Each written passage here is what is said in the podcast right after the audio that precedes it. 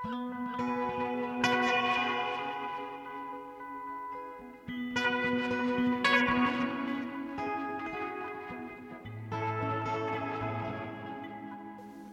sælkjærlustendur, í viðsjádagsins heyru við af siglandi trjám, markaðsherfur óljufyrirtækis og föllautum málverkum.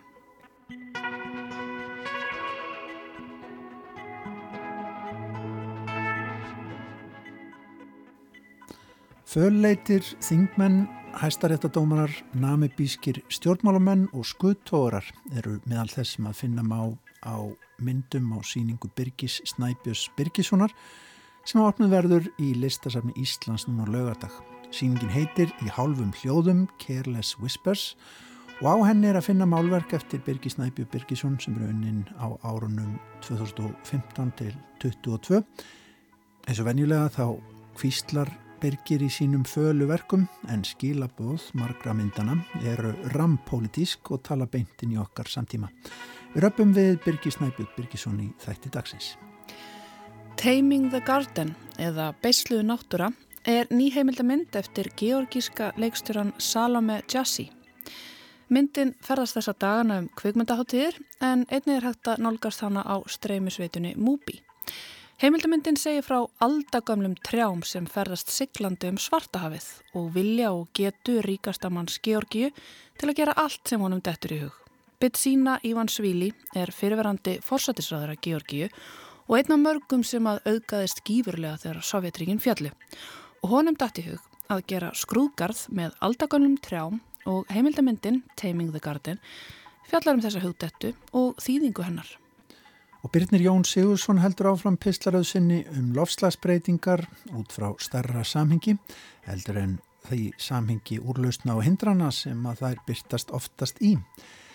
Að þessu sinni mun Byrnir Jón fjalla um jarðefna eldsneitis fyrirtækið Beyond Petroleum og kólefnisspors herrferð þess fyrirtækis en árið 2005 hóf breska oljusamsteipan BP Oil markaðsherrferð þar sem að svo kallað kólefnis fótspor var kynnt til leiks. Markaðsherrferðin slói gegn en var til þess að einstaklingurinn hefur axlað ábyrðina af lofslagsbreytingum á meðan valdhafar og ábyrðar aðilar fyrra sig ábyrð. En í dag byrju við við strendur Svartahafs í Georgíu.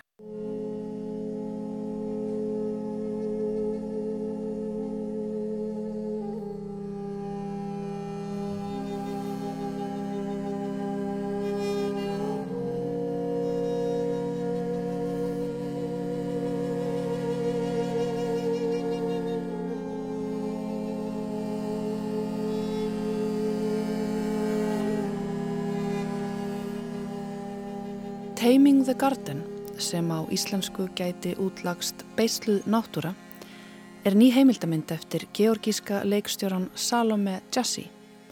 Myndin er nú á ferðalægi um heimildamindaháttíðir heimsins en einnig er hægt að nálgast hann á streymisveitunni Mubi. Myndin fjallar um aldagömmul 3 á siglingu um Svartahaf. Hvaðan koma þessi 3 og hvert eru þau að fara? Sagan er svo að ríkasti maður Georgíu keifti tréan af fátakum bændum til að setja þau aftur niður við glerkastalansinn sem gnæfir yfir höfuborg landsins, Tbilisi.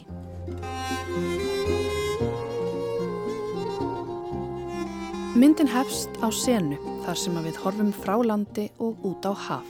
Þetta er Svartahaf og við erum stött í Georgíu. Við sjóndeldarhingin blasir við óvænt sjón. Rísavaksi 3 selast hægt áfram á vöruflutningarskipi. Það likur ekki niðri, heldur stendur uppi og ber við bláan heiminin.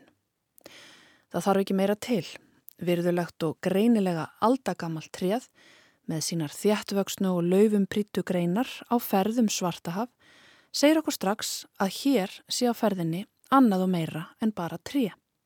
Hér er á ferðinni saga. Á landi fylgjast heimamenn með virðulegum ferðalangnum sem ber við sjóndildarhingin og virðast öllu vanir.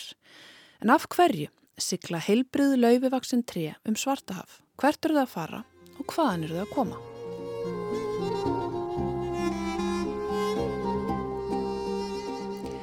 Bitsína Ívan Svíli er maðurinn á bakvið flutningana, ríkasti og valdamesti maður Georgíu. Ívan Svíli er einn af þessum mönnum sem að auðguðust gífurlega þegar Sovjetríkin fjalli. Hann var kjörinn fórsættisáður að Georgíu 2012 en saði af sér 13 mánuðum síðar þegar hann saðist vera búin að gera það sem hann ætlaði að gera fyrir landið, nóg væri komið. Síðan hefur hann haldið sig fjarrri sviðsljósunu en margir telja að hann fari enn með völdin innan flokksins sem hann stopnaði og sem enn stýrir landinu, líðræðislega draumaflokksins. Heimili Ívan Svílis gnæfir yfir elsta hluta höfuðborgarnar Tbilisi. Á fjálstoppi stendur yfirnáttúrulega stór nútíma kastali úr stáli og gleri þar sem að veggirnir er vist aðlega skreittir með Picasso-verkum en gardurinn með flamingofuglum og yfir 200 trjám sem komið hafa viðsvegar að, mestmægnis siglandi yfir Svartahaf, líkt og það sem við sáum í upphafi myndarinnar. Og það voru þessi siglandi tré sem að kveiktu í leikstjórnum Salome Jassi og urðu til þess að hún ákvað að segja þessa sögu. En ekki söguna af Ívan Svíli, heldur af trjánum sjálfum og fólkinu sem bjó við rætur þeirra áður en að þau voru keift rifin upp með rótum og flutt í skrúðgarðin. Ívan Svíli sapnar aldagömlum trjám, sagði höfundurinn í viðtali við New York Times. Hann ræður fólki vinnu við að taka þau upp með rótum og flytja þau heim til sín. En þetta er líka saga um völd og valdalesi, fátaka og ríka. Þetta er saga af stjættaskiptingu. Fyrir mér, sagði höfundurinn, er fljótandi tré táknmynd fyrir völd og þrá.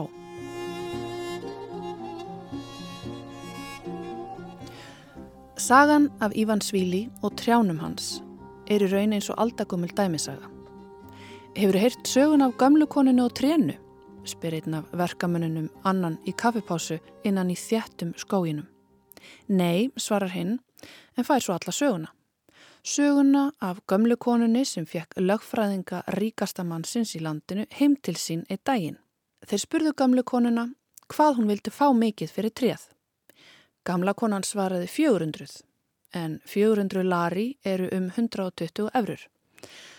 Hmm, 400.000 er mikill peningur en við getum bóðið þér 40.000. Gamla konan seldi treð fyrir 40.000 lari, segir verkamæðurinn og þeir hlæjaði vittlesunni. En þeim finnst það samt í fínu lægi að fátækt fólk fái fullta pening fyrir treð sem skiptir engu máli í landi fullu af trjám. Allir græða. Það er samt ekki allt fólkið sem Jassi fylgir eftir í myndinni á þeirri skoðun. Smám saman verður greinilegt að í landi fullu af trjám skipta trija máli. Trén eru hluti af lífinu, hafa kannski staðið utan við eldursklugan í tvö æfiskeið, veitt kynnslóðum skugga og skjól og gamla konan sem plantaði trjánum í gardin horfur á eftir þeim með tárvót augu því þau var alltaf verið hluti af lífi hennar. Að taka tuga metra hátrið upp með rótum er ekki lítið mál, tekur marga mánuði. Og það er heldur ekki lítið mál að flytja þau á milli landsluta. Vegirnir í fjálsliðunum eru brattir og þröngir og til að komast áfram þarf að reyðja enn fleiri trjám úr vegi. Nágrannarsamfélagið er ekki sátt. Þetta var ekki alveg það sem að þau kvittuðu undir. Við sjáum fjölskyldur ræða málinn í illaförnum steinhúsum við kólaeldavilina en lögfræðingarnir hafa svör á reyðum höndum. Þú skrifaður undir samning, svona er þetta bara. Myndavillin fer hægtum í heimildamindinni og samtölun eru fá. Við fylgjumst með fólki að störfum og nágrunum að velta þessu allir fyrir sér. Jassi notar þá tækni að fylgjast með eins og fluga á vegg. Myndavillin horfir að ramma fyrir ramma á atbyrðarásuna sem fyrir gang þegar fjarlægur maður kemur inn í samfélag og byrjar að tósa í rætur þess. Jassi kýs ekki að segja sögu ríkasta mannsins, heldur sínur okkur dæmisöguna. Áhrifin sem að óstöðvandi völd hafa á valdalust fólk. Þetta er auðvitað veruleiki sem allir þekkja, líka hér á Íslandi. Peningafólk kaupir upp fyrði, dali, vötn og ár og heimamenn græða.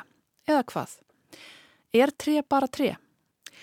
Já, tré er bara tré, segja verkamennir sem vinna fyrir ríkasta mannin og við hefum sko nóa trjám. Og það virðist vera satt af landslægin að dæma. Þjættvaksnar hlýðar yfirfullar af allskynns trjám og gróðri í öllum græntóna skalanum. Ávastatri, grenitri og löftri virðast umlikja þorpin og liggja eins og teppi yfir landinu. Undir lokmyndarinnar sjáum við loks paradísar sín ríkastamannsins. Skipulaður manngerður garður tekur við af óstýrilátri náttúrunni og fólk vinnur við að vögva og snirta. Í garðinum eru öll þessi aðfluttu tré komin með nýtt heimili. Þau verðast hafa verið þarna alltaf, en sagan segir okkur annað. Hversu mikil völd sem þú hefur þá getur ekki endur skrifa söguna. Fólki við fyrri heimkynni trjána velti fyrir sér hvað manninum gangi eiginlega til. Til hvers að eiga all þessi gömlu tré þegar hann hefur enga tengingu við þau. Sagan sem flýgur hæst er svo að hann trúið við að nálaðin við þau lengi lífið. Að allt saman tengist þetta óskinum ódöðleika. Sannarlega ævintarlegt markmið sem hljómar ekki ósennilega. En myndin sjálf veitur okkur engin svör. Bara fallega ramma sem fá okkur til að hugsa. Er tré bara tré? Hverjum er ekki sama þó eitt og eitt aldagamalt tré fari? Augljóslega er ekki öllum sama því trén hafa rætur sem virðast á undurfaranhátt tengjast mannfólkinu. Þorpsbúar fell að tár þegar vinnuvél að rýfa 20 metra há aldakumil tré upp með rótum og flytja þau burt á vörubílum.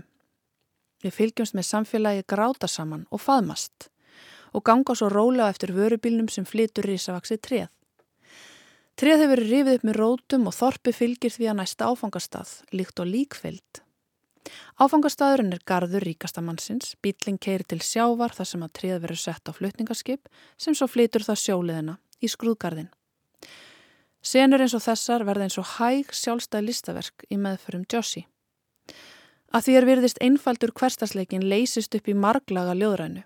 Ljóðrænu sem ber því vitni hvað lífið og samvist okkar við náttúruna er djúb saga. Og yfir öllu gnæfir svo dæmisagan. Svo saga segir frá þörf og getu valdakarla til að gera það sem þeir vilja, sama hvaða kostar og sama hversu surrealist það hljómar. En það eru þetta ekki surrealísk saga, heldur klassíst minni, dæmisaga sem við þekkjum úr ævintýrum og þjóðsugum en líka úr samtímanum.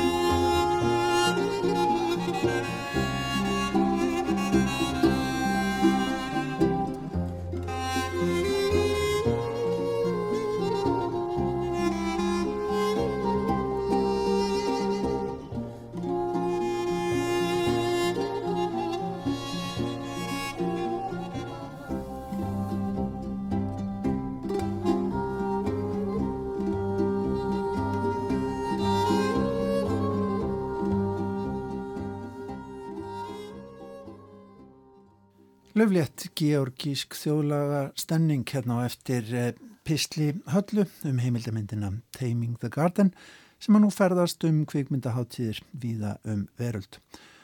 Og þar til hún er ströndum Íslands er hægt að nálgast myndina á streymisveitunni Múbi. En þá tekur Byrnir Jón Sigursson við og heldur áfram pislaru sinni um lofslagsbreytingar út frá starra samengi heldur en það samengi úrlósna og hindrana sem við erum vöna að fjalla um. Að þessu sinni ætlar Byrnir að fjalla um í jarðefna elsneitisfyrirtækið Beyond Petroleum og kólefnisbors herfer þess. En árið 2005 hóf breska ólíusamsteipan BP Oil markasherferð þar sem að svo kallað kólefnisfótspor var kynnt til leiks. Heyrum hvernig það fór. What size is your carbon footprint? Ah, the carbon footprint, the...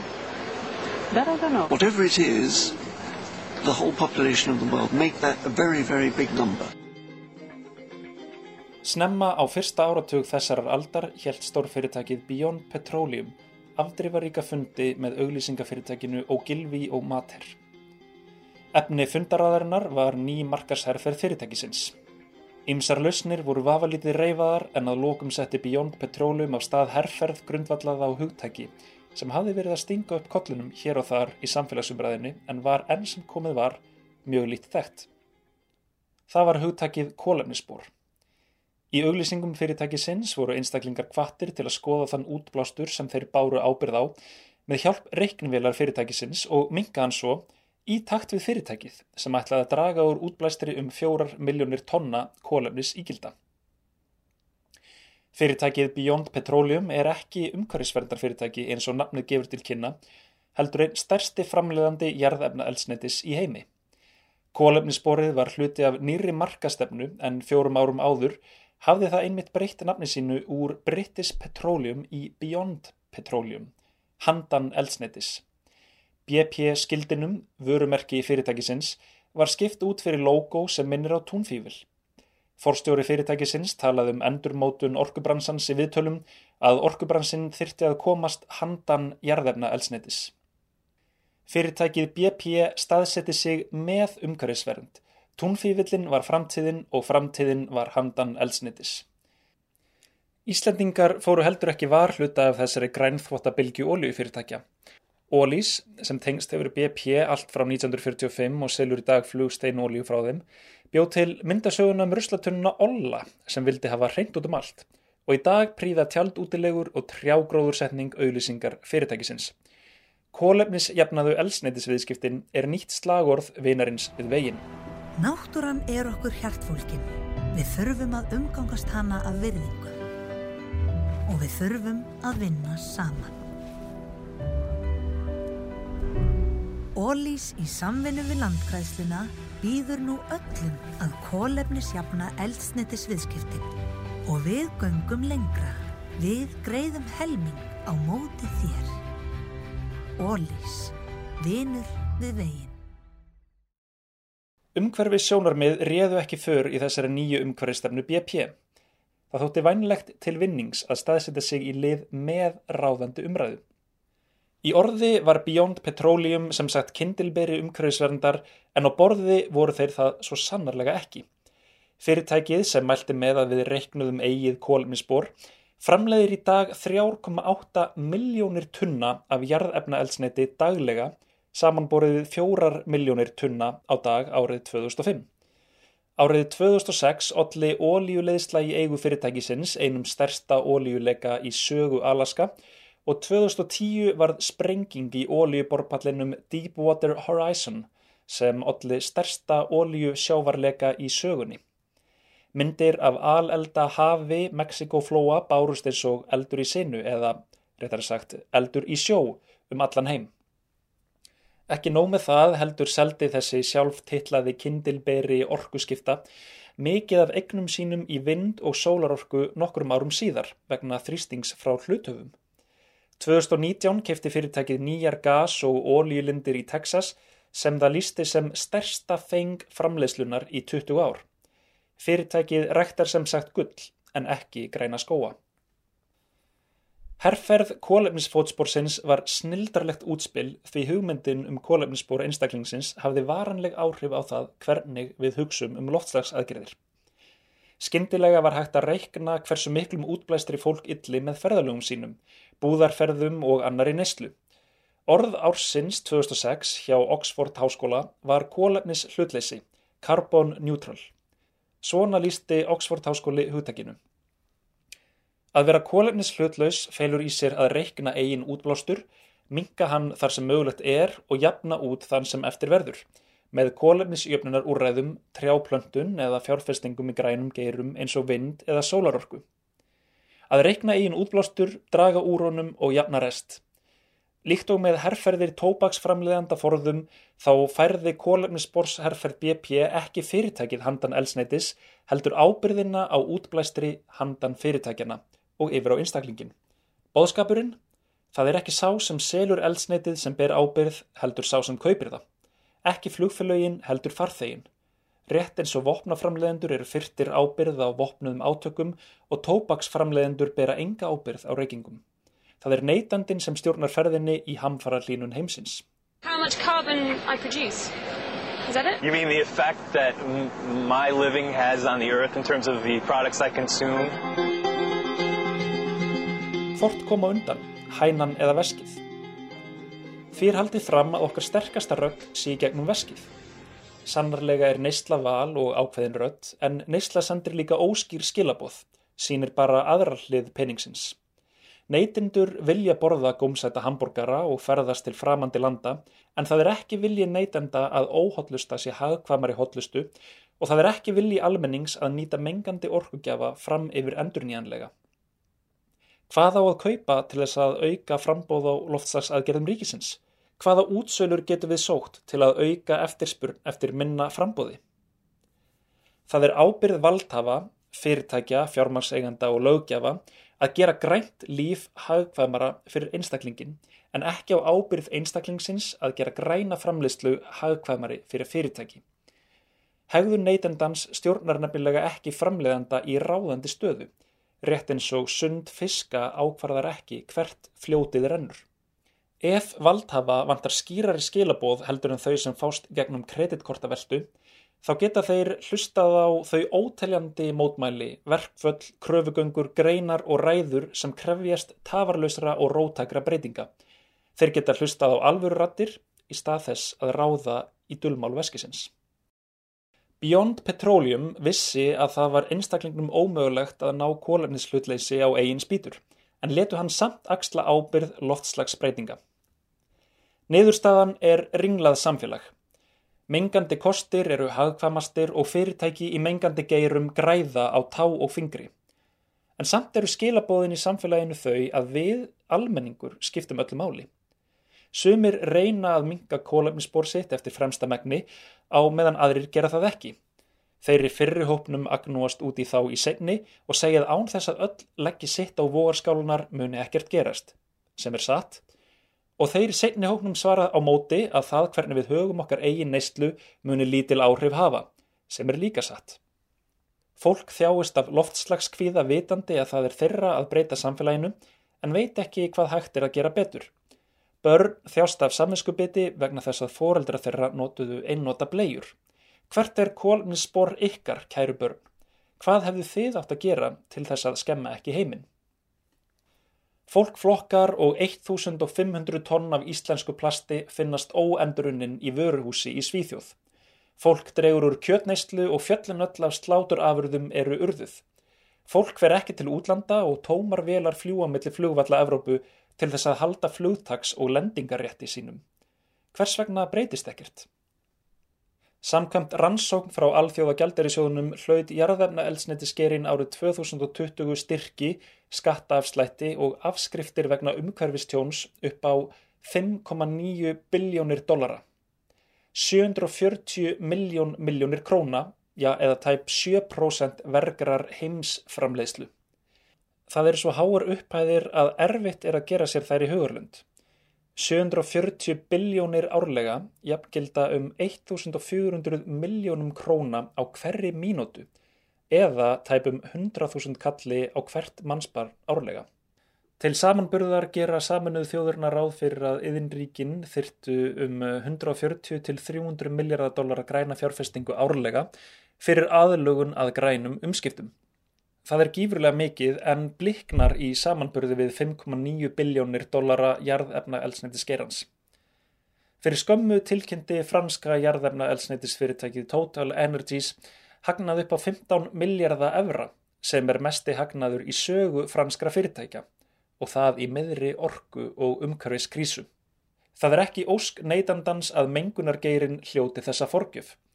Valdhafar hafa búið svo um með fjárfestingum, reglugerðum og innviða uppbyggingu sem hygglir jarðefna eldsneiti. Þess vegna er jarðefna eldsneiti á heimisvísu einfallega hagkvamara fyrir almenning heldur en aðrir orkugjafar. We are very pleased to be joined here at the World Petroleum Congress by Patrick Pouyan. He is the chairman and CEO of Total Energies of France. Uh, used to be just Total. Now it's Total Energies. Is it a real, is it does it signify a real change in your business or more of a, a branding? No, no, it's, uh, you don't change the company of uh, the name of a company is which is 100 years old just for branding. You know, it's fundamentally, by the way, Total Energy says everything. Why? Because the energy markets will change. Uh, we've seen that uh, with climate change, uh, the share of Hægt er að flokka loftslagsaðgerðir einstaklingsins í fernd. Í fyrsta lagi eru það persónulegar breytingar á lífstíl í öðru lagi áhrif sem þú hefur á lífstíl, fjölskyld og vina, í þriðja lagi framtök og úræði í nærsamfélagi og vinnustad og í fjórða lagi pólitísk þáttaka.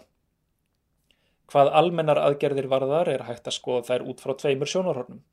Í fyrsta lagi ættu loftslags aðgerðir alltaf að taka með af réttlátum umskiptum, það er að þeir sem verst eru stattir eiga ekki að bera þungan af aðgerðum og í öðru lagi eiga almenningur og stjórnvöld að krefjast þess að helstu gerendur loftslagsbreytinga axli ábyrð á gjörðum sínum en velti henni ekki yfir á aðra.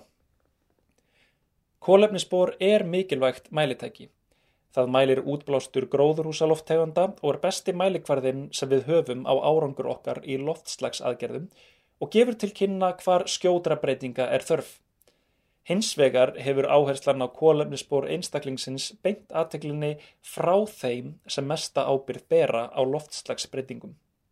Markaðsherferð kólefnisspors Beyond Petroleum ítt undir hugmyndafræði þar sem personulegar lífstilsbreytingar, án kerfisbreytinga, voru í algjöru aðalhutverki. Einstaklingurinn var krafin um að einblýna á flísinna í eigin auga í stað bjálkans í auga ábyrðaraðila.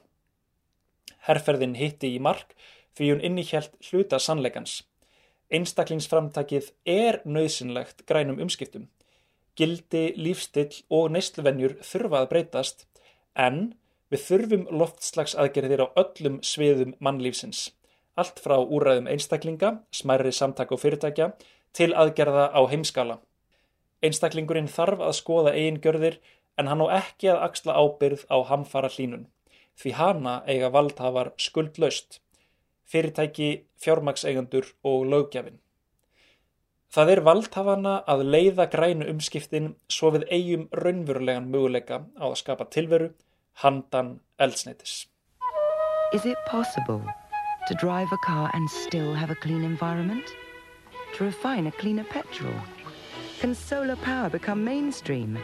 Could business go further and be a force for good? Can 100,000 people in 100 countries come together to build a new brand of progress for the world? We think so. And now, BP, Amoco, Arco and Castrol have come together to try. Beyond Petroleum. BP. Hér endaði annar pistill Byrnis Jóns Sigurssonar af fjórum um lofslagsbreytingar í starra samengi.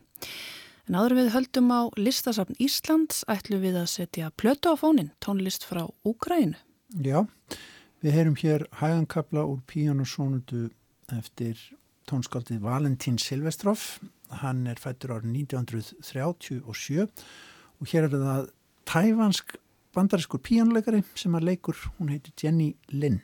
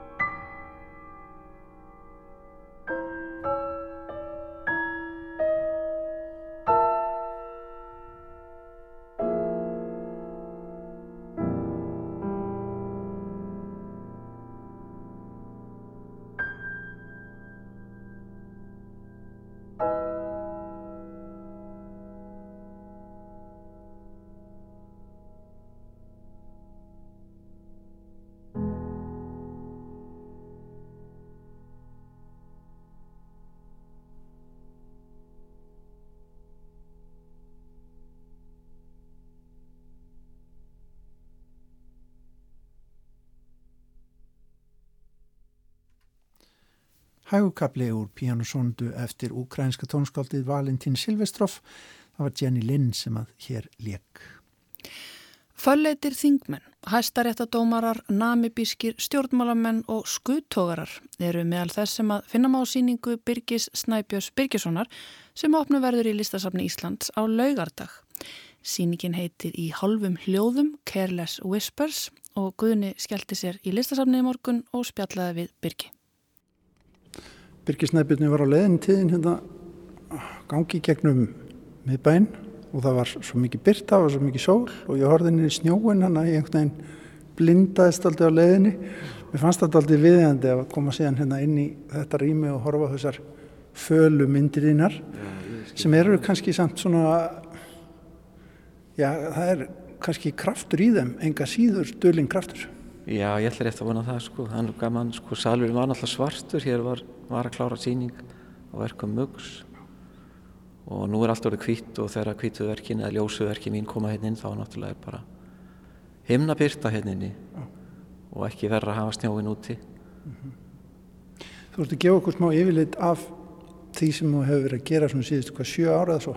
Já, elsta verkið ég byrjaði því 2015 og þó ég hafi sínt það í þessari mynd sko 2016 og svo er þetta bara fram nýjustu verkin eru bara ég nú nota ég ekki trönur annars hefur ég geta sagt sko fersk af trönunum. Já. en þau eru bara mjög nýr þetta allra nýjasta sko. Þannig að þetta er 7 ár. Já. þetta er ekki yfir lit, ég er nú aðeins eldri en, en svo og verðvonandi en eldri.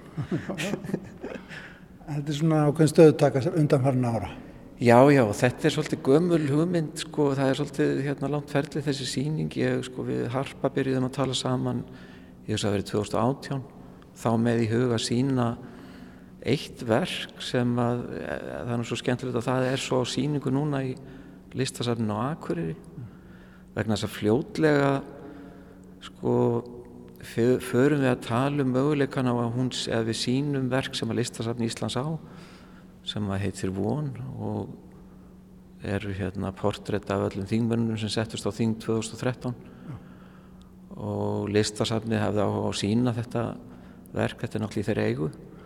Og þá vorum við farin að tala á svolítið pólitískum nótum og ég hef nú alltaf í aðra röndin að verið að vinna mjög pólitíst þannig að síningin þróast ekki bara í að fara að snúast meður um pólitík heldur bara verður sí, sístækkar í raunni mm.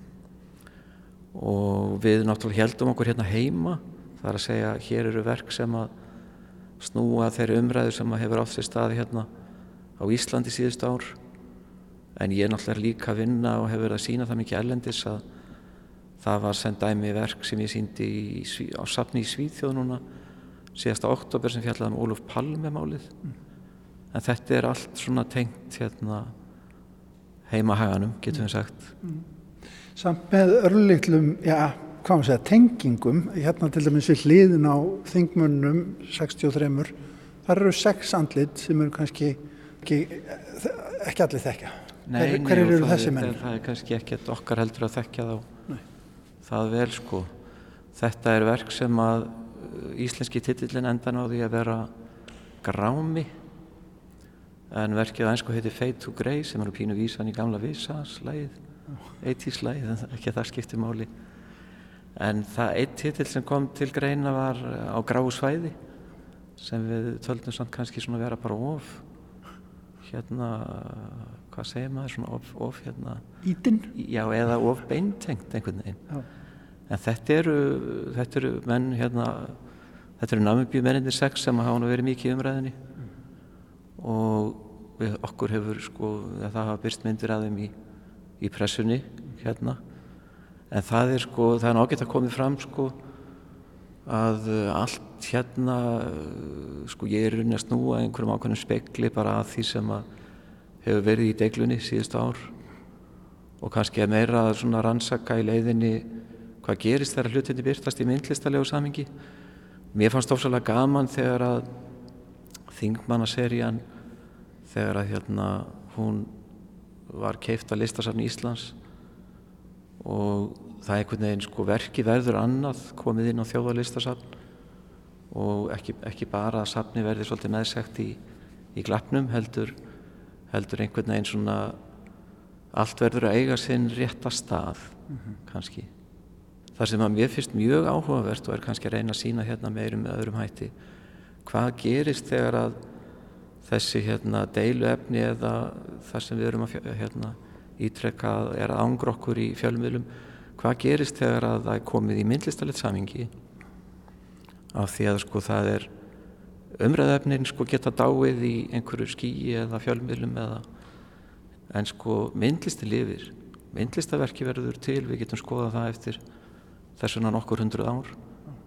Það getur verið beitt í nýjurinn í skúfunni en þá og meðan að umræðefnin kannski svona tapast í hasarnum sem er í þessari miðla menningu allri sem við erum svona, ég myndi segja, glíma við mm -hmm. En nú er þetta sko hápolítist mál, þetta samherjamál og namibíumál. Eh, þú ert hérna með fiskiskip Já, til, sko, til dæmis. Já, namibíumenninir það er kannski ágætt að koma fram og þetta er í rauninni, þetta er miklu eldra heldur en þetta alveg nýjasta, þetta meinta misferli þeirra þarna í söður höfum. Mm.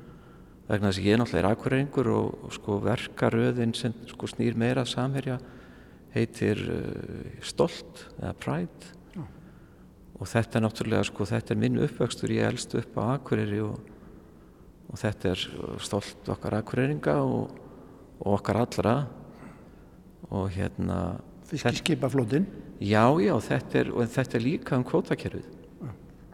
Og ég held ég hafi verið sko 16-17 ára þegar samheri og kvótakerfið kemur og er ekki búið að deilum það síðan og ég sko hef nú stundu verið heppin með tímasetningar á síningar þegar ég síni verkin eins og ég til, til, til, til ekki þingmanna mm.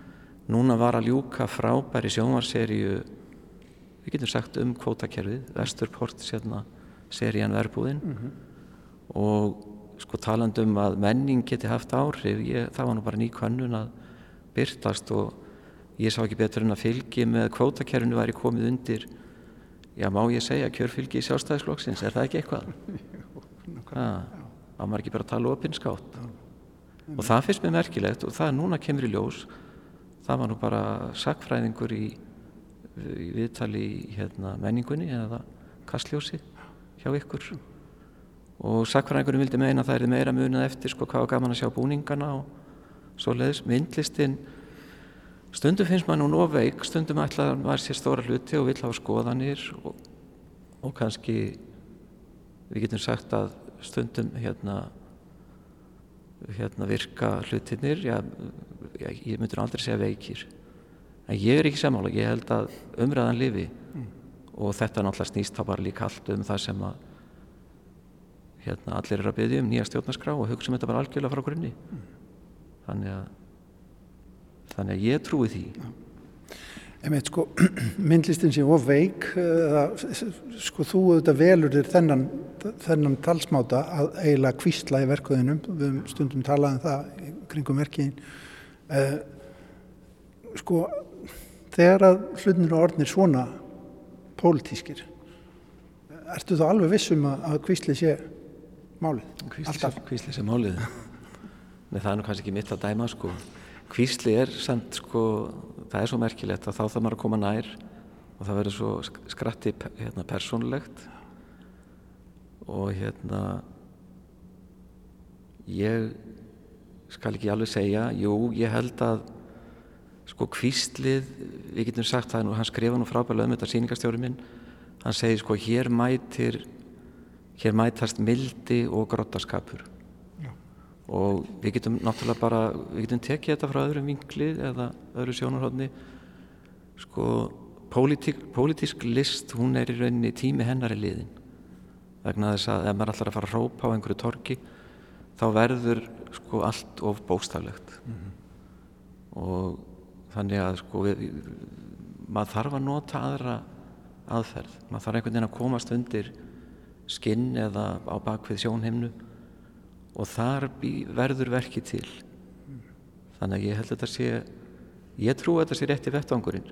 Það er heldur ekki mitt sko að endilega vera að hafa skoðununa vegna að ég nefndi á þann ég væri kannski að halda upp í spekli á það sem að hefur verið í gangi síðust ár og það er hérna áhörandans að taka þátt og mynda sér sína skoðun og kannski í rauninni verður kvísli til þess að maður þarf í rauninni enn frekar að taka afstöðu. Ég er alveg með afstöðu, annars væri ég valla að vinna þessi verk. Ég var nú að nefna við einhvern hérna, ég er að reyna að hafa bæði sko, sem er nú í tísku látt kólefnisspor og, og líka látt hérna netspor. Það væri kannski miklu einfaldar að ég væri bara á Twitter og hefði geta beislað þetta þar. En ég er ekki þar, þannig einhvers þar verður þetta brjótast fram. Ég hef líka sagt að þetta væri líf mitt einfaldara, ég myndi örgulega að sofa betur ef ég væri ekki ámálka þessi málefni mörg en, en svona er þetta, maður velur ekki þetta endilega heldur allt það sem maður þarf að gera. Og ef eitthvað er sko þá verður bara myndlistin að hafa sinn gang. Og hún verður að vera þáttakandi í þessum umræðefnum, það er bara óhjákvæmilegt ég segi alltaf sko einfalda skýringin á samtíma listi er að hún sé í ríku samtali við sinn samtíma og samtíma málefni og það er náttúrulega bara það sem ég er að gera. Við horfum hérna á stóra mynd sem er reyndan beint á móti tveimu fiskiskipum og stolti að norðan. Uh, hvað struktúr er þetta sem að maður starfa að rýna í hér? Uh, einhvers konar bygging, hvað er það? Þetta er sko, kannski fyrsta sem hann er dættur í huga er, er nú eiginlega bara Tjernobyl eða eitthvað svo leiðist. Þetta er svona alltaf domstagsbragur en þetta er náttúrulega tengist uh, hérna Akureyri, þetta er skíðalifta í hlýðafjalli sem að opnaði reyndar bara núna síðustu helgi. Loksins, og ég er vona nú hann haldi, haldi stópinn vegna sem ég skíða. En þetta er, þetta er lifta sem að já þetta tengist náttúrulega við getum sagt þessu stolti sem ég nefndi á þann þarna kom samherri að að, að styðja hérna góð málefni sem þeir hafa nú verið duglegi við. Og enga síður reyndist þessi lifta á hverðin bölfun hlýðarfjáls hún átti að vera komin í gang 2018 en opnaði núna um síðustu helgi. Og verðum við ekki að ímynda okkur að það sé góð tímasetning fyrir mig nú, dæm, nú dæmir þú kannski. Auglýsing fyrir síninguna en, en það er, ég er bara það, svo að koma fram það er kannski þetta hérna, þetta samherjaverk er marglaga vegna þess að ég er náttúrulega sko og það á við öll verkin, við erum öll samseg vegna þess að hérna við lifumst og ræðumst í þessu samfélagi okkar sem að hægt er að gaggrína marga ánga af en við erum þáttaköndur og við höfum reyndar líka alltaf val. Líka þegar kemur að að fara út í heim og, og, og, og veiða fisk í öðrum höfum? Já, almáttur, það er sko, ég var að hugsa um það, ég, það eru hérna, við getum farið alveg aftur í hjúkunarfræðingarna, þá var ég að vinna með alls konar ímyndir og fleira. Og núna kannski getum við sagt að ég sé að fara, farin að vinna bara með þessa siðferðislegu spurningu, við höfum alltaf val að gera rétt, við verðum alltaf að setja einhverstaða línuna í í siðferði.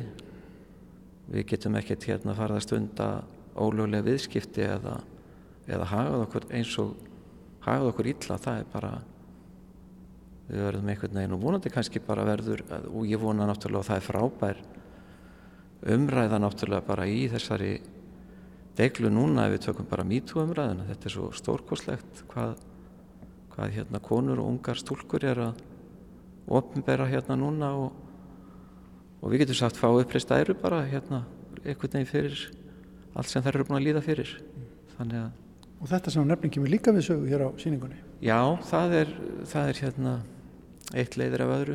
Við nefndum þingmennin á, áðan. Það er verk sem ég síni 2016 í þessari mynd. Hér er mynd verkaröðu líka sem heitir Réttlæti þar sem ég málaði tíu hæstaréttar dómara og síndi 2017 Bæði þessi verk eru unni á náttúrulega umráta tímum. Hæstaréttadómararnir voru þá undir, undir ásökunum um einta eign í hérna, hlutabrefum í, í böngunum og voru jafnframt að dæma í málefnum bankana. Þetta er á sama tíma líka og við já, fengum enn einu svona kjósa vegna þess að stjórnin fjall á, á hérna, opnberun í rauninni eða var það ekki kallað höfum hátt? Þegar að það var verið að veita uppreist æru misindismönnum þess tíma og, og þó svo að kannski já, við getum talað um að hæsti réttur kemur kannski ekki beint þar að nýja hérna uh, dómsmálar á þeirra nýja fórsetin sem að skrifa svo upp á ákveðna tillögu þannig í lokin það er engin sko, það er engin sekur af því við setjum uppi með eitthvað gamaldags já, ónýtt kerfi og erum við þá ekki komin að því að það sé kannski alveg aðtjóðandi að endur skoða stjórnarskrána og gera bara breyta til betri vegar Og er drampolítiskur hér maður? Já, já, ég, maður er orðið miðaldra, maður er ekki bara gammal reyður maður. En nei, nei, ég, sko, ég held samt að ég reynir nú að gera þetta mildilega og ég reyna að setja mig ekki of mikið inn í þetta. Það er, þú svona leggur boltan upp, en er þetta ekki að tróða svona í kokið á okkur heldur? Nei, nei, ég veit ekki hvort að fókbóltasamlingin er rétt núna heldur vegna þess að heldur, heldur betur hefur nú verið deilt um, um hérna, stöðu þeirra mála en annars væri það allir hérna, eins og að gert í gamla dag þegar við vorum alltaf að keppa landslið allir maður sé þá ekki bara dundra fram Já. Og hérna, sjá hvað gerist. Nei, nei, mildi og, og hérna grótarskapur, það er verkin hérna eru nú líka kannski mis hérna mis, já, aggressíft, þau eru ekkert er aggressíft ekki í þessum ljósutónum En undir niðri er ýmislegt sem, sem er hægt að skoða, skoða fyllilega. Já, já, já, almáttugur, það er bara, þetta er ótrúlega tíma sem við erum að lifa og þeir verðast bara engan enda ætla að taka. Og það er ekki bara hér, þetta er sko, við erum, hver er ekki fylgjast með fréttum frá Úgrænu og, og hérna, já, ég var að nefna Kársku kirkjuna og það er að ná að taka. Og náttúrulega bara aftur að þingmannunum og í rauninni já, stjórnarskráni eða hvað það er sko, mér finnst sko, ágætist tímasetninga þingmerinni séu síndir hérna núna og þetta margt þessari verka vegna þess að það er nú ekki langt síðan að við vorum að kjósa síðast og það var nú heldur betur sko hægt að deila um réttlætið þar. Við hérna líðræðið sko fyrir mér hvarf fyrir nokkuð mörgum árum. Það er að segja hérna ekki bara fæ ég aldrei það sem ég kýs heldur einhvern veginn trú okkar á stærstu stofnarnir samfélagsins rundur svolítið með, getum við sagt, með böngunum og vorum ekki að kjósa núna fyrir skemstu og það var nú einhver rugglingur hérna í norðvestur kjördaminu sem ég þannig ekki að öruglega hérna rifja upp hér. Erum við ekki vöna að senda þingmenn út til þess að fylgjast með kostningum í löndum sem að við teljum vera komin, skem, kom, komin skemmra í líðræði sátt? Hvað segir það okkur? en hérna, ég ætlaði nú ekki að vera reyður samt sko Segjum þetta gott í byli Takk kærlega fyrir spjall Birgir Takk svo mjög leiðis